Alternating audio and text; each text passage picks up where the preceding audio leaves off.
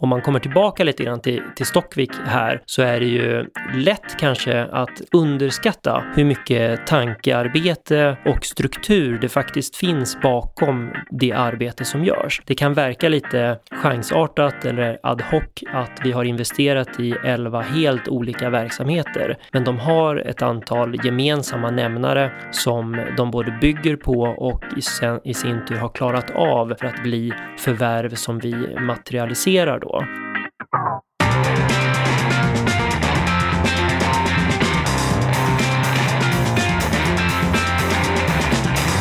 Hej, du lyssnar på 25 minuter med Syding och Sundström och idag har vi med oss David Andreasson som är VD på Stockvik, ett eh, supercoolt litet investmentbolag. Vi ska inte främst prata om eh, Stockvik, även om vi kommer gå igenom det också, utan mycket om hur det är att vara vd, sköta livspussel, tips och tricks och, och verktyg i, i vardagen för att vara lycklig, produktiv och helt enkelt en, en riktigt bra människa som eh, David är. Tack så mycket. Och även företagsuppköp. All right. Eh, David, eh, kan inte du presentera dig lite grann som, eh, eh ja, men som vd för Stockvik? Vad, vad gör du egentligen? Jag eh, kom på idén att eh, starta den här verksamheten för eh, tio år sedan ungefär och eh, gick och bar på den ett antal år. Eh, tills jag eh, träffade rätt i eh, medgrundare Olle Nordberg som eh, tillsammans med mig la eh, de första stegen eh, för att ehm, bygga det som idag är Stockvik. Min bakgrund eh, yrkesmässigt är att ha arbetat eh, 15 år inom investment banking med framförallt aktieanalys, småbolagsanalys och institutionellt mäkleri. Och på den vägen så ehm, eh, lärde jag mig väldigt mycket om företagande och värdeskapande eh, och fann både lärdomar och inspiration från bolag som jag eh, bevakade och människor som jag träffade. Vilket så småningom ledde fram till att jag eh, kände att jag ville skapa någonting liknande men med min egen prägel, eh, min egen personliga prägel. Och eh, det eh, tycker jag att vi har lyckats med i det Stockvik som eh, vi har skapat idag. Ehm, verksamheten är ju inriktad på att ehm, förvärva svenska småföretagande av god kvalitet. Och vi har två grunder som vi egentligen står på. Det ena är ju att vi vill göra någonting bra för den som som eh, säljer sin verksamhet till oss och för personalen i bolagen som vi investerar i. Och den andra dimensionen, det är att vi vill skapa en ekonomisk möjlighet för den genomsnittliga småspararen att få en exponering mot svenskt småföretagande. Det är ju typiskt sett annars ganska svårt om du inte har ett eget företag eller har väldigt mycket tid, kompetens, engagemang och kapital. Men eh, nu kan man istället få den ekonomiska exponeringen genom att köpa Stockviks aktie. Och utifrån sett så ser jag som eh, till och från aktieägare i Stockvik eh, kan vi säga kanske framförallt två saker. Eh, det ena är att ja, du och jag, vi har ju till och med jobbat ihop som aktieanalytiker på Swedbank med fokus på, på IT.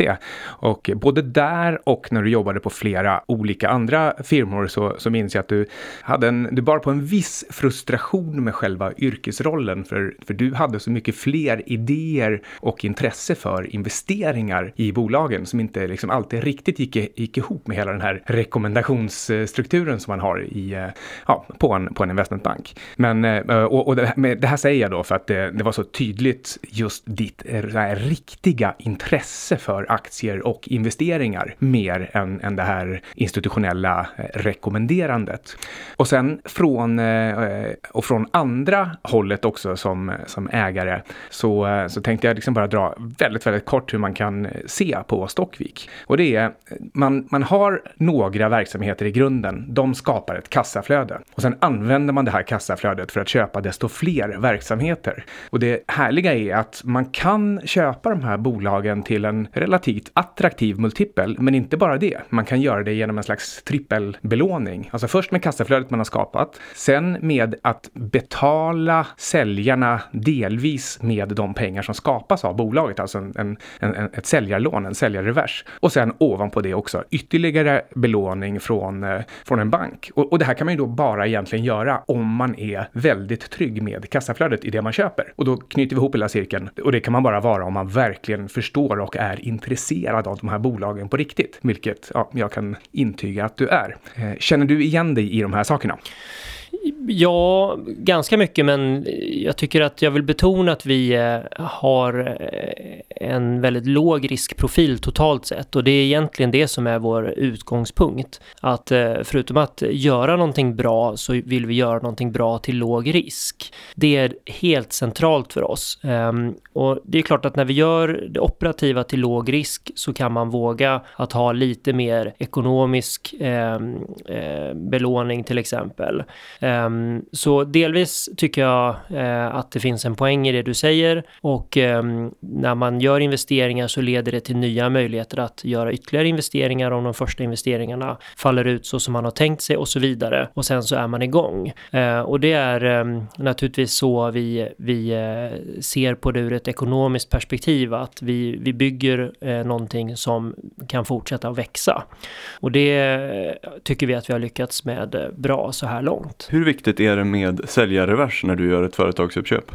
Ja, men det är viktigt. Och vi har också eh, etablerat lösningar där amortering till säljaren eh, är beroende av att eh, resultatet faller ut på ett visst sätt. Okej, okay, så det är, det är en fråga om att förena incitamenten? Ja, det är det. Och eh, hur tänker du på det när du gör ett uppköp? Hur stor del av uppköpet som ska vara till exempel eh, aktier eller skuld eller säljarrevers? Hur gör du upp den delningen?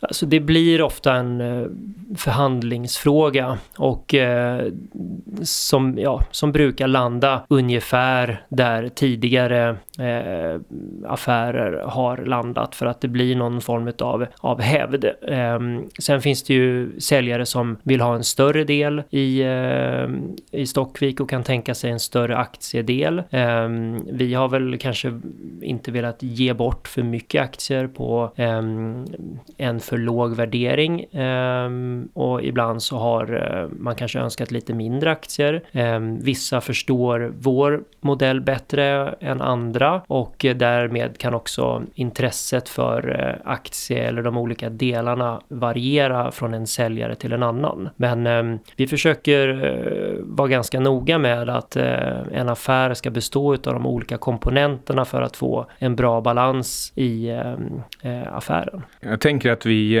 sparar lite frågor om Stockvik och inklusive det här förvärvet eh, av Admit som var bara häromdagen. Vi sparar det till, eh, till slutet och så eh, hoppar vi eh, vidare direkt till lite frågor om hur du egentligen tänker kring ditt livspussel. Hur, hur får du ihop motorcykelåkande, tre, fyra hundar, tre, fyra barn, någonting sånt?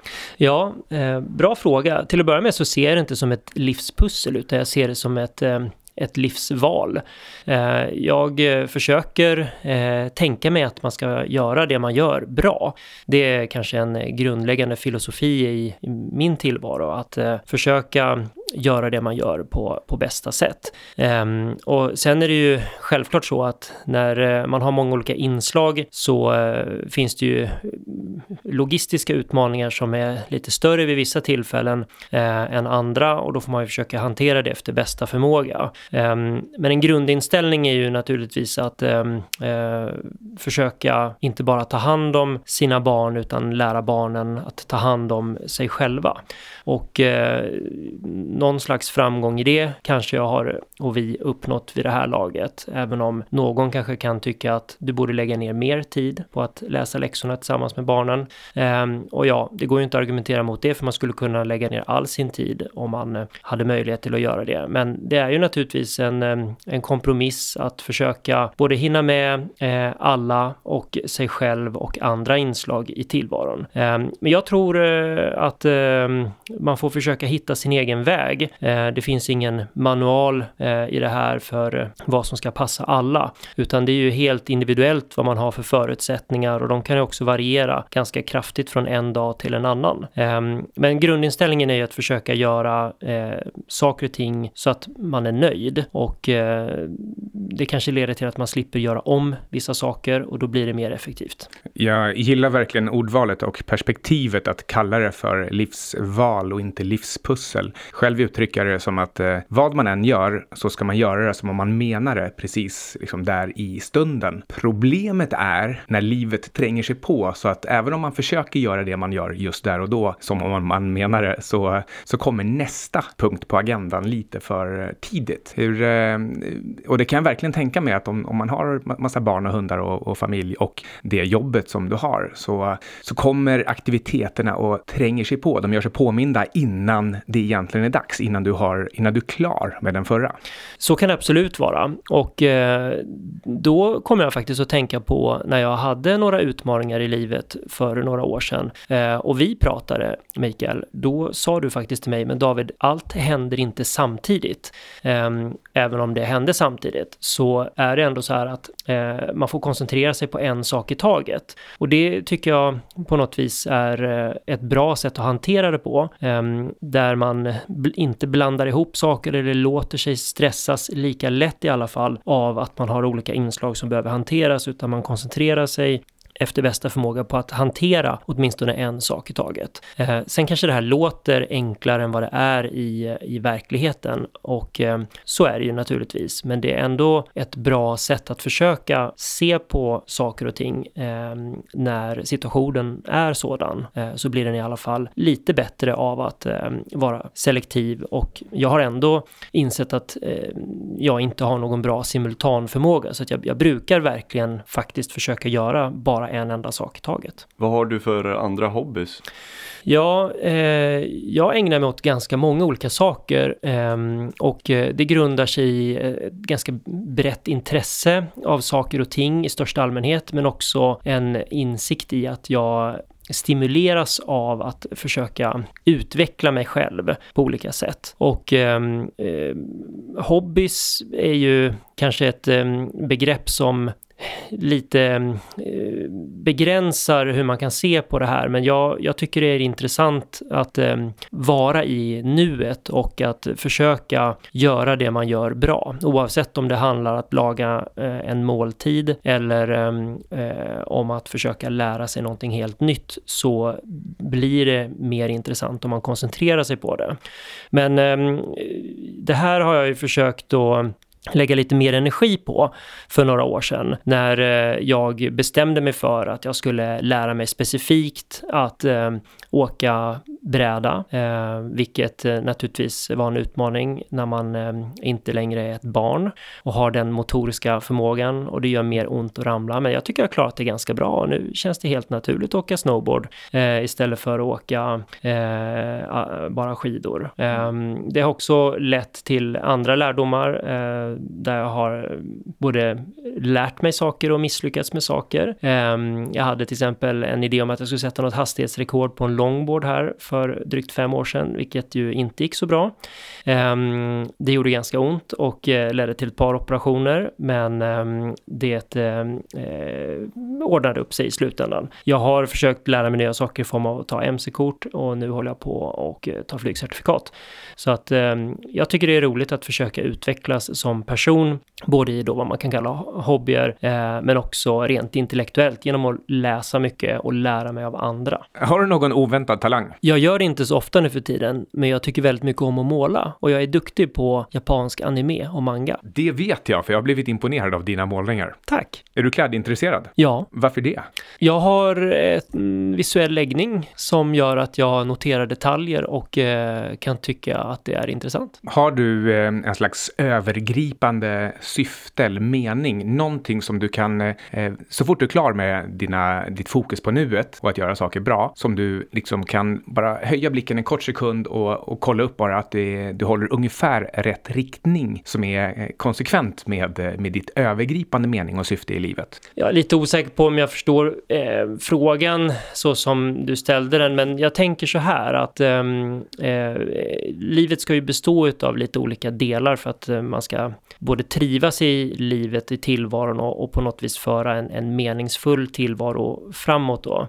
Um, och um, jag tror att uh, det är ju kanske också viktigt att man har de här olika delarna för att man ska vara en bra person. Um, lite kanske man kan säga att det här gamla uttrycket all work no play makes Jack a dull boy så kan jag hålla med om det, att man behöver ha roliga saker för sig för att eh, inte bli alltför tråkig som person. Samtidigt som man inte får glömma bort eh, att uträtta de sakerna som, som behöver göras i, i livet. Och det, det kan man säkert dela upp i lite olika proportioner. Man kan ju inte bara eh, slå dank så att säga eh, och förlusta sig själv och man ska nog inte heller bara jobba eh, från 7 till 23. Ehm, men att hitta någon slags kombination som fungerar eh, tror jag är, är viktigt eh, för, för alla personligen och för alla som man har att göra med. Att man försöker vara en person som lever eh, och eh, lär sig att utvecklas kontinuerligt. Utöver det här som du nämnde med till exempel flygcertifikat så eh, jag har fått eh, intrycket av att du är väldigt intresserad av fordon. Stämmer det? Ja, men det stämmer. Jag har till exempel en gammal bil som jag just nu håller på att få ordning på och eh,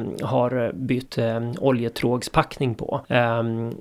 det tog ganska lång tid. Det är ganska oskönt att ligga under en bil i en, på en grusad uppfart som vi har. Eh, men jag tycker det är rätt trevligt att, att, att mecka med saker och ting. Eh, började med det som liten, tog isär saker för att se vad de innehöll och eh, ibland lyckades man sätta ihop saker och ting.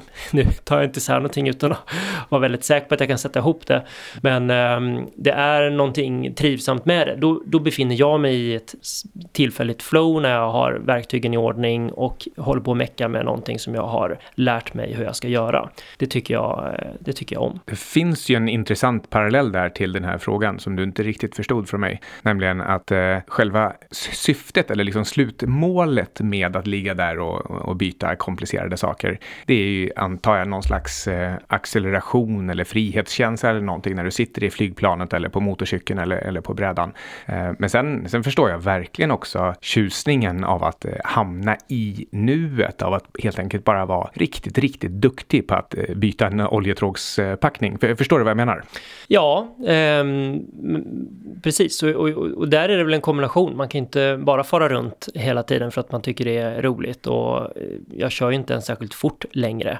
Eh, utan ehm, eh, sköter mig som man ska. Eh, faktiskt ganska försiktigt till och med skulle jag vilja påstå nu för tiden. Eh, men jag tycker det är trevligt att, att, att göra lite av varje. Och ehm, det är ju lite svårt att förklara ibland vad man är intresserad av. Vissa tycker det är trevligt att virka, andra tycker om segling eller golf och jag tycker om att mecka med saker. Det var ju, körde du på bana någonting förresten? Det var ju du som tog med mig och körde på bilbana eh, för första gången. Då körde jag eh, snabbast och eh, tveklöst sämst. Ja, det händer men ganska sällan. Ehm, senaste erfarenheten av det var egentligen när jag körde motorcykel på Gotland Ring och hade en 16-årig instruktör som ehm, vägledde mig i hur jag skulle bete mig på motorcykeln och det var otroligt intressant och eh, jag tycker det är fantastiskt roligt att, just få lära mig saker och också otroligt roligt eh, att ha en duktig instruktör som i det fallet. Ramlade du? Nej, jag försöker låta bli att ramla.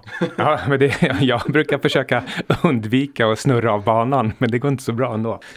Nej, jag, ehm, jag, eh, jag vet. Ehm, men jag eh, ramlar i alla fall inte den gången. Vad är din favorit av motorcyklar och bilar? Bilar eh, har jag alltid varit intresserad av och från början ville jag faktiskt jobba med bildesign. Och eh, som eh, ung så sökte jag faktiskt in på Pasadena Art Center som är en av de eh, få etablerade designskolorna för just eh, industridesign för eh, bilindustrin och eh, kom in på arbetsprover. Men valde faktiskt den trygga vägen och gick nationalekonomiprogrammet vid Uppsala universitet för en magisterexamen där och sen en kandidatexamen i företagsekonomi vid Stockholms universitet. Tror du att det finns en anledning att du hållit på och investerat i mycket, till exempel verkstadsföretag? Finns det en koppling mellan det och att du gillar att mecka med bilar och sådär? Det tror jag faktiskt inte och, och det är nog faktiskt så att vi försöker eh, ta de här investeringsbesluten i vår styrelse eh,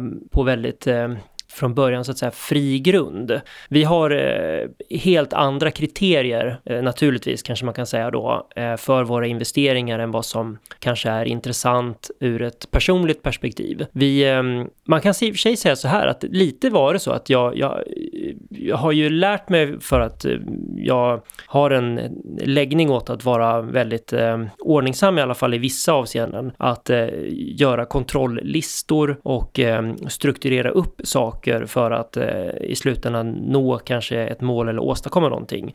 Och det var ju faktiskt för min del så var det vid något sådant tillfälle när jag kände att istället för att göra den här listan om ett eh, privat projekt eh, så borde jag ju göra en företagsbesiktning och investera i företag så att det blir lite större saker gjorda.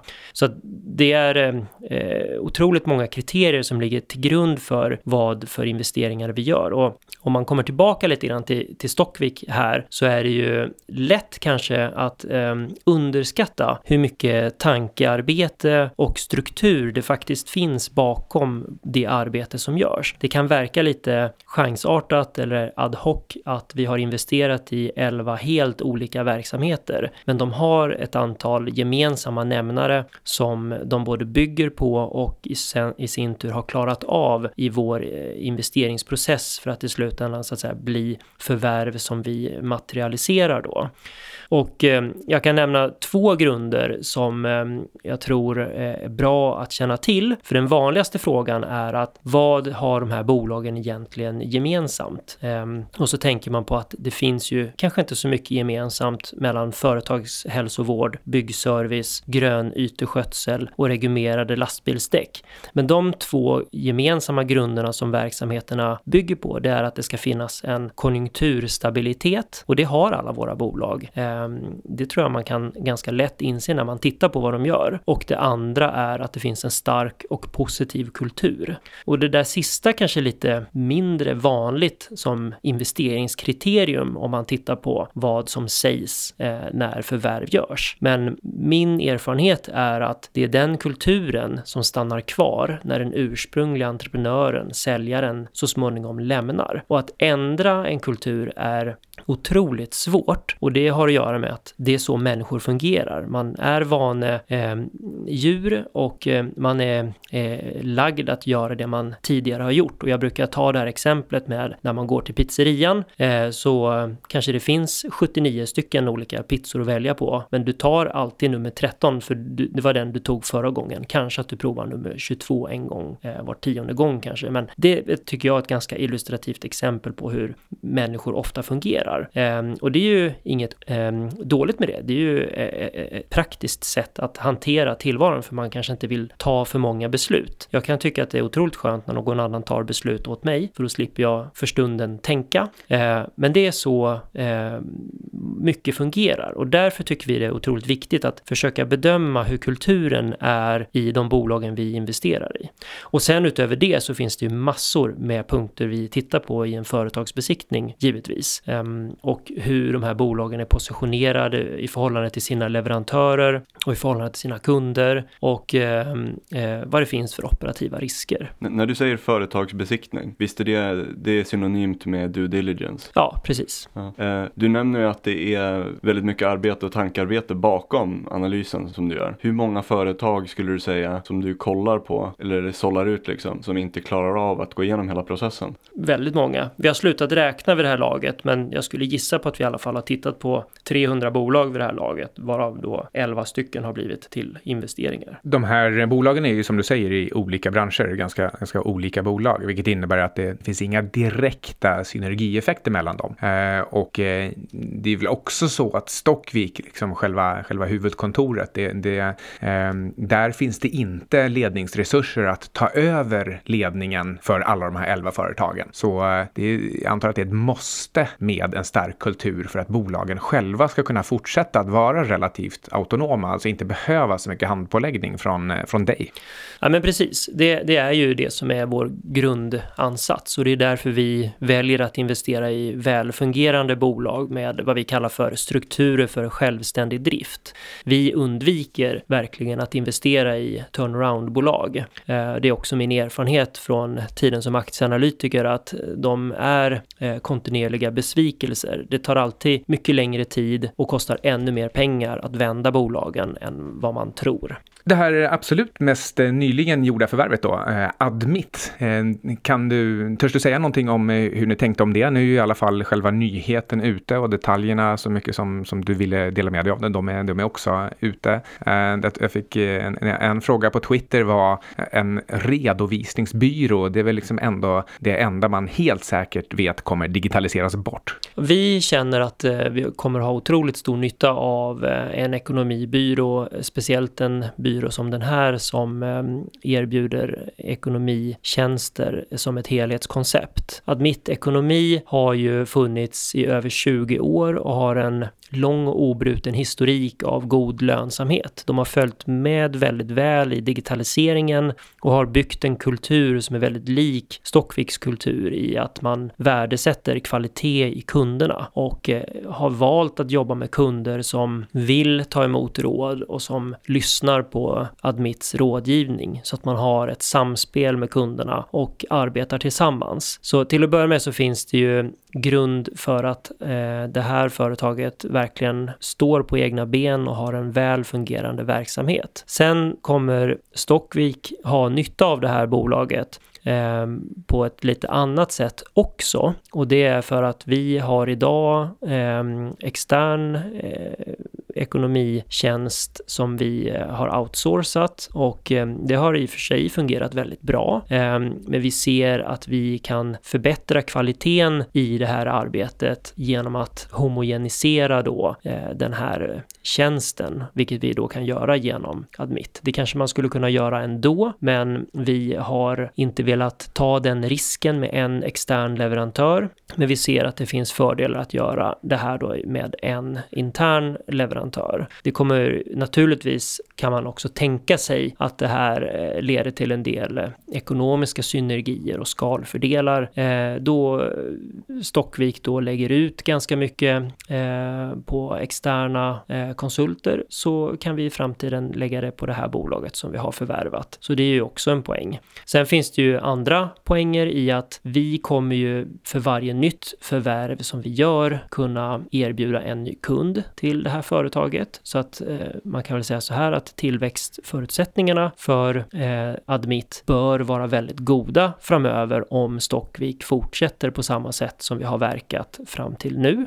Och eh, vi ser också en eh, nytta i att vi eh, kan med en extern kompetens som är väldigt hög inom redovisning också bättre analysera eh, potentiella förvärvsobjekt med eh, deras kunskap. Eh, jag läste ju bara lite hastigt här nu om det här uppköpet av Admit och om jag minns rätt så var det en köpeskilling på 30 miljoner och eh, då, hade ni, då blir det ett P tal på 6 eftersom de hade en vinst på 5 miljoner. Så om, om vinsten fortsätter att vara det, då ska ni få tillbaka era pengar om 6 år och sen eh, efter det, då är är resten vinst. Ja, precis. Eh, lite förenklat kanske man kan säga så. Sen är det ju så att eh, vi har ju finansieringskostnader för, för bolaget och sen så kan man kanske tänka sig att det då uppstår lite synergier om man eh, vågar eller vill räkna med det. Eh, men ungefär så i alla fall kan man säga är grundinställningen för de eh, investeringar vi gör. Och jag lägger gärna till här att det är väldigt mycket så att enligt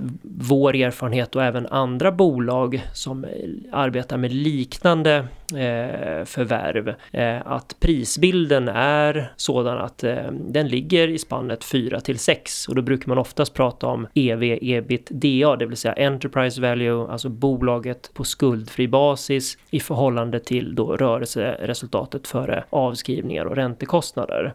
Eh, det brukar ligga där och ehm, det är väldigt intressant att det är så för att det är nästan ingen skillnad på pris men det är otroligt stor skillnad i kvalitet. Och eh, det är bara att föreställa sig hur världen skulle se ut om det var likadant i andra sammanhang. Att ehm, eh, gå på restaurang kostar lika mycket oavsett vilken restaurang du går till. Då får man försöka välja de som är lite bättre. Eller om man ska köpa en bil så kostar alla bilar mellan 100 och 150 000. Det skulle också vara väldigt konstigt, men, men så är det i den här världen att bolagen ligger mellan 4 till 6 gånger. Men Åtta av tio bolag vill inte vi investera i. Det nionde kanske skulle kunna gå, men det tionde, det är det vi letar efter. Ungefär då, lite förenklat uttryckt. Så, så är det. Och då eh, tycker vi också att det som är viktigt för oss, det är att bolagen har de här kvaliteterna som vi söker.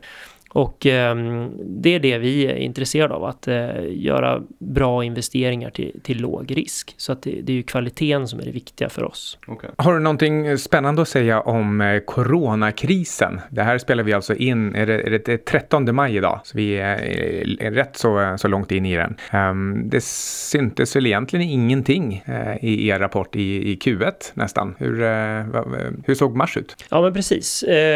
För att hålla oss till det som har kommunicerats så mm, har ju effekterna utav pandemin varit eh, begränsade för Stockviks vidkommande. Och det tror jag också är ganska lätt att förstå om man eh, tittar på en del utav våra eh, portföljbolag och sen kan det vara lite svårare att förstå i vissa andra fall då. Men för att ta några exempel så är det ju så att inom grönyteskötsel där vi till exempel då sköter parker eller eh, gångvägar med eh, alltså grönyteskötsel eller eh, snöröjning som det i och för sig inte var så mycket av i år men det är ändå sandning och halkbekämpning och sandupptagning etc. Den typen av verksamhet är ju väldigt oberoende utav motparten egentligen. Man har kommit överens om ett förvaltningsuppdrag och sen så sköter vi det då efter bästa förmåga. Så där är ju effekterna helt helt försumbara. Eh, om, om ens, eh, det, det, är inga effekter kan man väl säga. Um, och det, det är naturligtvis uh, positivt där då. Det är människor som jobbar i mindre grupper och de arbetar självständigt utomhus. Så att det är klart att där har ju då risken för att bli smittad också varit lägre än uh, i andra fall. Um, sen så kan man också tänka sig att um, om man tar då uh, motsatsen kanske då där vi har mycket personkontakt då så är det ju inom hälsovårdsområdet med patienter som träffar läkare. Det är klart att som vi också skrev i rapporten, där har vi ju sett att eh, en del besök har uteblivit på grund av att eh, människor både har varit och ska ha varit försiktiga då eh, och dra ner på möten. Så att det, det är ganska naturliga Eh, effekter för vårt vidkommande. Men överlag så tycker vi att det här med att eh, vara riskavärt och orienterad på det viset, eh, det, eh, det tycker vi har, har betalat sig på ett kanske oväntat sätt i den här krisen, eh, där då våra bolag i väldigt stor utsträckning har klarat sig hyggligt bra, vilket också framgick då i vår första kvartalsrapport. Inom vilket eh,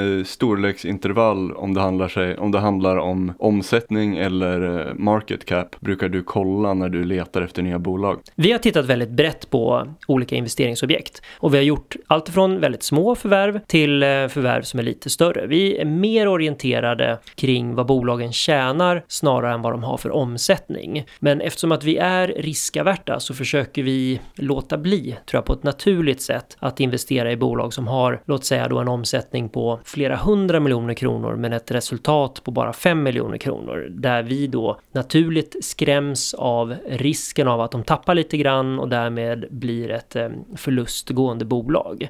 Eh, vi försöker titta på bolag som har en, en god lönsamhet för att det finns lite mer säkerhetsmarginaler i sådana bolag om de möter en lite sämre efterfrågan eller någon form av utmaning. Jag eh, tyckte att utifrån bolagen som ni äger så kollar jag igenom dem lite och eh, jag tror inte jag förstår riktigt så mycket om verkstad bostadsföretag och sånt. Även om jag kan förstå nischen och att det, är, kan, vara, det kan vara eh, konjunktursokänsligt. Det, det tankesättet hänger med. Men eh, sen eh, gjorde ni, ni köpte upp det här hälsofriskvårdsföretaget Team. Det tyckte jag verkade väldigt intressant. Hur gjorde du för att hitta det företaget? Alltså vi träffar ju på bolag egentligen av fyra olika skäl det ena skälet är att det kommer eh, erbjudanden till oss via företagsförmedlare. Eh, en annan kanal är att vi har eh, såklart egna kontakter. En tredje kanal är att vi gör egna efterforskningar på tillgänglig data. Data som vi har köpt in och byggt modeller kring för att hitta och identifiera bolag som skulle kunna passa oss. Och den fjärde kanalen är att bolag själva approcherar oss. Just Team är ju ett bolag som kom till oss via eh, en förmedlare och eh, vi är eh, otroligt eh, stolta och glada över det förvärvet ehm, eftersom att det faktiskt skedde i viss konkurrens med andra potentiella köpare. Eh, men Team valde oss och ehm, det hade att göra med hur vi uppfattades som en ny eh, tänkt ägare för deras verksamhet, vilket har gjort oss otroligt stolta som nyägare. Och hur är det då som ni uppfattas som nyägare? Vad är det som gör att ni blir attraktiva som ägare? Det vi hör det är att man ser det som vi vill vara. En eh, långsiktig ägare som för det första då fortsätter att driva bolaget på ungefär samma sätt som det har fungerat innan vi kom in i bilden. Och eh, som också månar om personalens eh, väl och ve. Och det är ju otroligt centralt för de som säljer och som, som bryr sig om sina anställda och som har den här sunda kulturen. Att eh, den nya ägaren ska vara eh, sund i det, den bemärkelsen, att man, man driver det vidare på ett sunt sätt. Och eh, det, som alla säkert kan förstå så, så kan man ju inte sälja ett bolag till en ny ägare som sen eh, lägger ner verksamheten och rationaliserar och flyttar över den till eh, någon annan ort för att det är mer ekonomiskt gynnsamt lönsamt eller slår ihop den med sin befintliga verksamhet bara för att komma åt till exempel då eh, kundkontakterna eh, men inte ta hand om personalen. Människor som har drivit ett bolag som man bryr sig om säljer helt enkelt inte till en sån eh, köpare. Ehm, men man säljer gärna till oss så, där man ser då att det här bolaget Stockvik kommer att ta hand om den här verksamheten även efter att då ägaren har sålt. Så för dem är det väldigt viktigt att man ser en långsiktighet, eh, ett långsiktigt välmående fortsatt då i bolaget. Och sen någonting som också är otroligt viktigt, det är att vi i Stockvik, vi gör våra investeringar eh, för att behålla dem. Vi säljer inga bolag. Nu tänkte jag göra en grej som vi får se om den här funkar i, i radio egentligen. Plus att eh, vi får se hur mycket du rynkar på pannan eh, för, för den grova i kalkylen.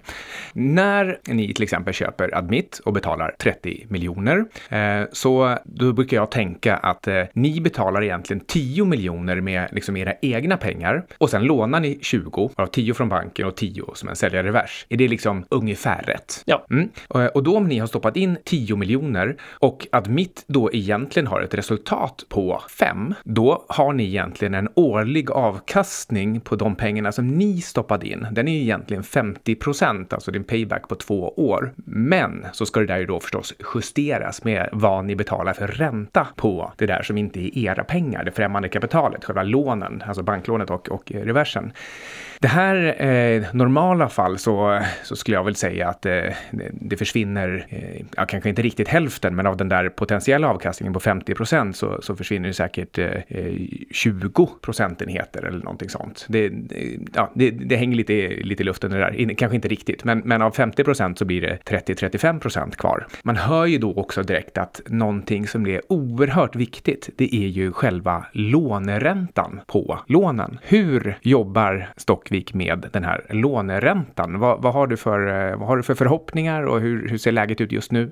Alltså man kan säga så här att eh, vi eh, eh har ju en, eh, en modell där vi förvärvar bolag som operativt har låg risk och eh, då vågar vi ha lite högre risk i Eh, den finansiella strukturen eh, där vi då använder oss av belåning eh, snarare än att i förväg ha sparat ihop hela det egna kapitalet för att då göra förvärvet. Det skulle bli ganska ineffektivt om man tittar på avkastning på sysselsatt kapital och ehm, vill man lära sig lite mer om det det så, så, tycker jag absolut att ett första steg är definitivt att läsa då Joel Greenblatts bok The Little Book That Beats the Market, där man får en väldigt bra förklaring till hur hur pengar ska sysselsättas och vilken avkastning man ska få och om man inte får den vad man ska göra istället då.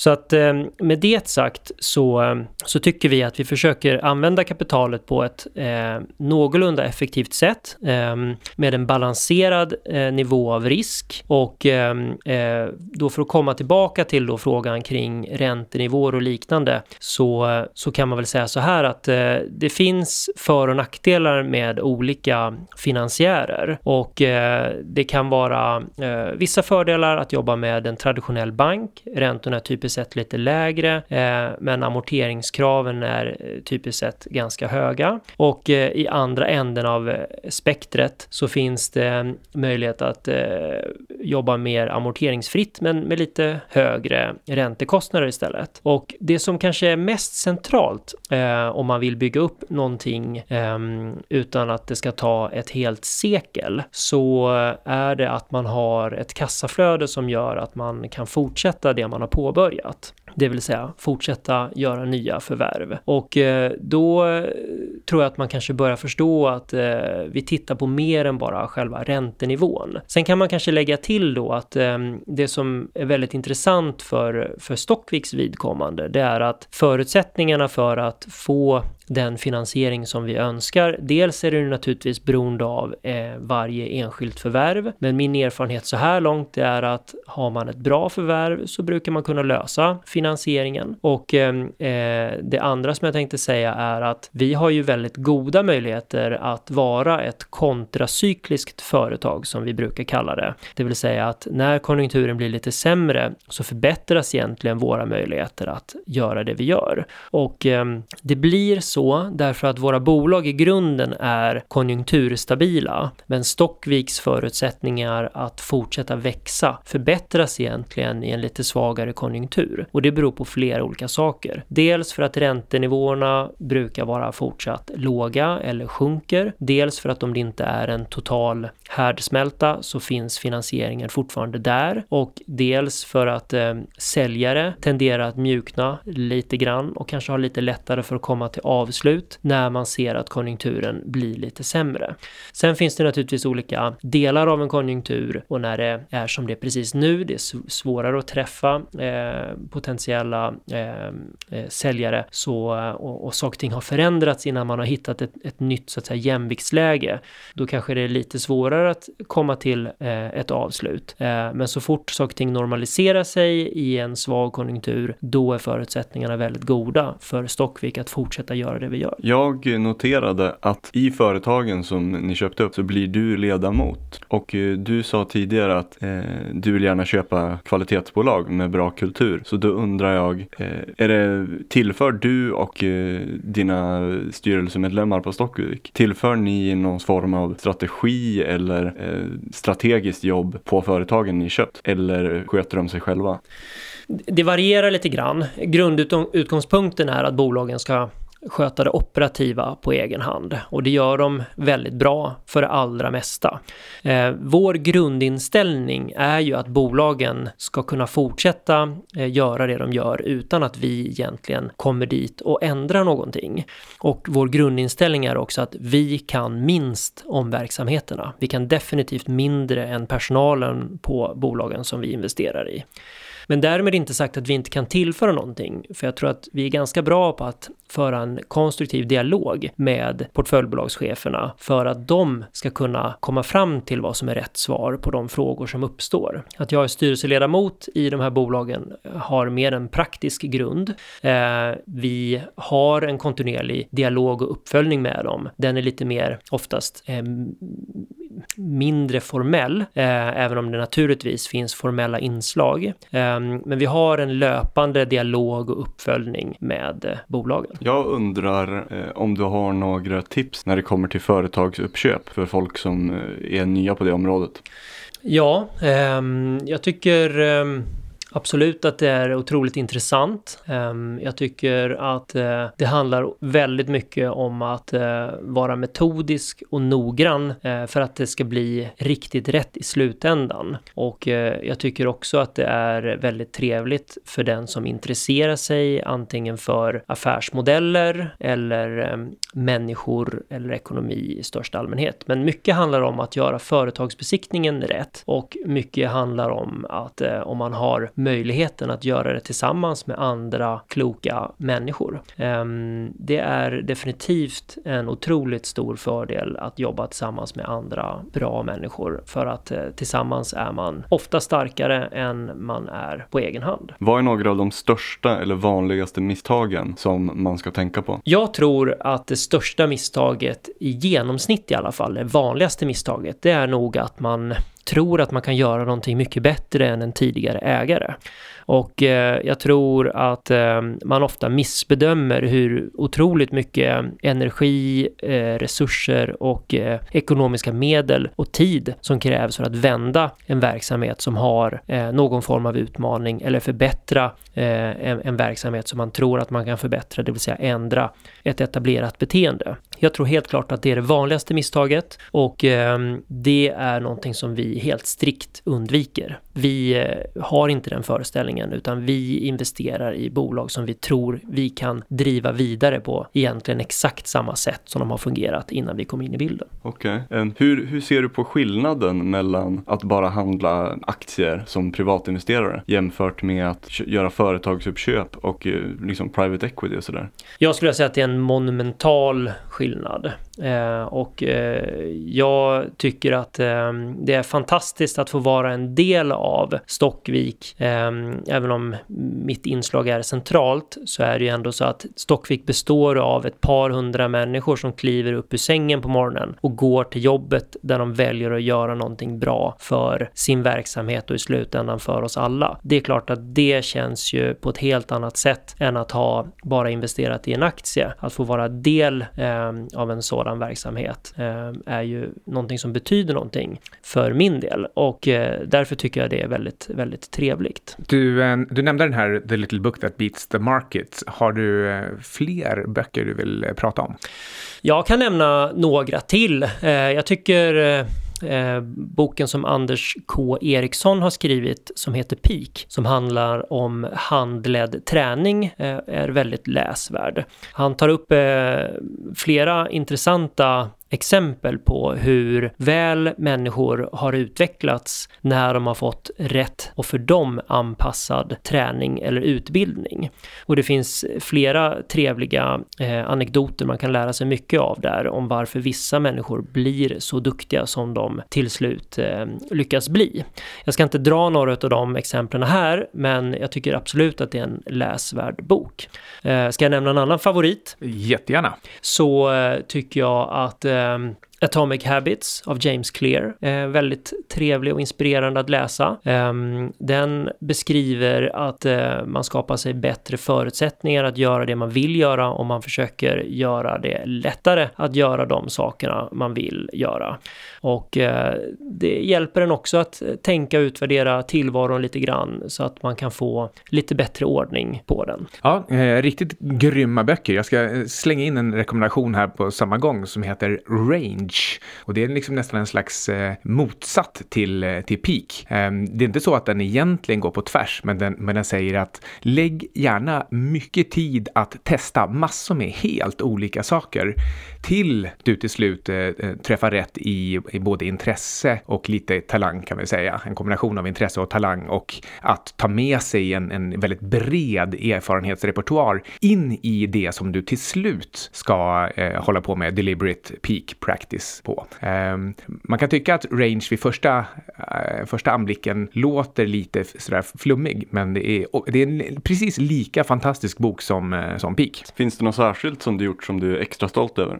Förutom att jag naturligtvis är väldigt stolt över min familj så är jag stolt över att jag eh, lyckades ta steget att lämna finansbranschen som har för mig varit väldigt givande och lärorik och en trygg ekonomi för att ta steget och eh, satsa på att bygga upp Stockvik. Inte minst parallellt med att man har ett försörjningsansvar för sin familj.